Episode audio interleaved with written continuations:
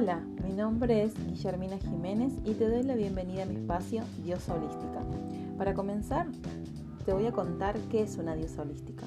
Una diosa holística es una mujer que conecta con su poder personal, su diosa interior. Ella va sorteando el laberinto de la vida desde un lugar consciente, siendo protagonista y creando su propia realidad, rompiendo con patrones, mandatos y estructuras que la tenían alejada de su esencia una diosa holística se planta con fortaleza y suavidad, se ocupa de cada área de su vida y las mantiene en equilibrio. Se compromete con su crecimiento personal, entendiendo que como es dentro, es fuera. Aprende a domar la mente para darle rienda suelta a su corazón y a su alma.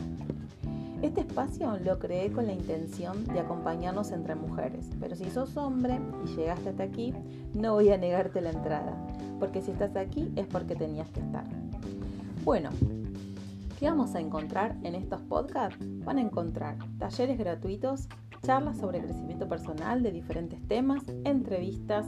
Así que te pido que cuando escuches alguna de estas charlas o llegues a alguno de los talleres, me puedas dejar un mensaje en Instagram y me cuentes qué te resultaron, ¿sí? cómo te resultaron, si tienes alguna duda también e inquietud. Bueno, espero que lo disfrutes, te mando un beso enorme y nos vemos en los siguientes audios.